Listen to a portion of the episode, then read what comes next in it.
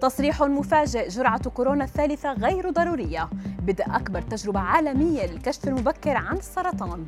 ضباب الدماغ مرض جديد يهدد والحل بأيدينا. أبرز أخبار الساعات الأربع والعشرين الماضية في دقيقتين على العربية بودكاست. في تصريح مفاجئ كشف خبراء من منظمة الصحة العالمية أن إعطاء جرعة معززة من اللقاحات المضادة لفيروس كورونا لكل السكان غير مبرر في الوقت الحالي. فهذه اللقاحات المحدودة العدد ستنقذ عددا أكبر من الأرواح عند إعطائها لأشخاص يعتبرون معرضين جدا للإصابة بكورونا ولم يتلقى اللقاح بعد. فالبيانات الراهنة لا تظهر الحاجة إلى جرعات اللقاح المعززة للسكان عموما. في خبر صار جدا تبدأ هيئة الصحة الوطنية في بريطانيا أكبر تجربة في العالم لاختبار الدم جاليري الذي يمكن استخدامه في اكتشاف أكثر من 50 نوع من السرطان قبل ظهور الأعراض. اختبار جاليري يفحص الحمض النووي في الدم المريض لتحديد ما إذا كان هناك خلايا مصابة بالسرطان ويؤدي التشخيص المبكر لمرض السرطان لزيادة معدلات الشفاء بشكل كبير.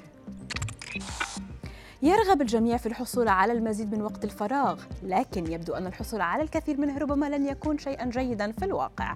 فقد كشفت دراسة حديثة أن الناس يكونون أقل سعادة ورضا إذا كان لديهم أكثر من سبع ساعات من وقت الفراغ يوميا وفقا لديلي ميل البريطانية الدراسة التي أجرتها جمعية علم النفس الأمريكية أظهرت استقرار معدلات الزيادة بشعور السعادة والرضا بعد الحصول على ساعتين يوميا من وقت الفراغ في حين انقلب الوضع بعد تخطي خمس ساعات من وقت الفراغ في اليوم الواحد.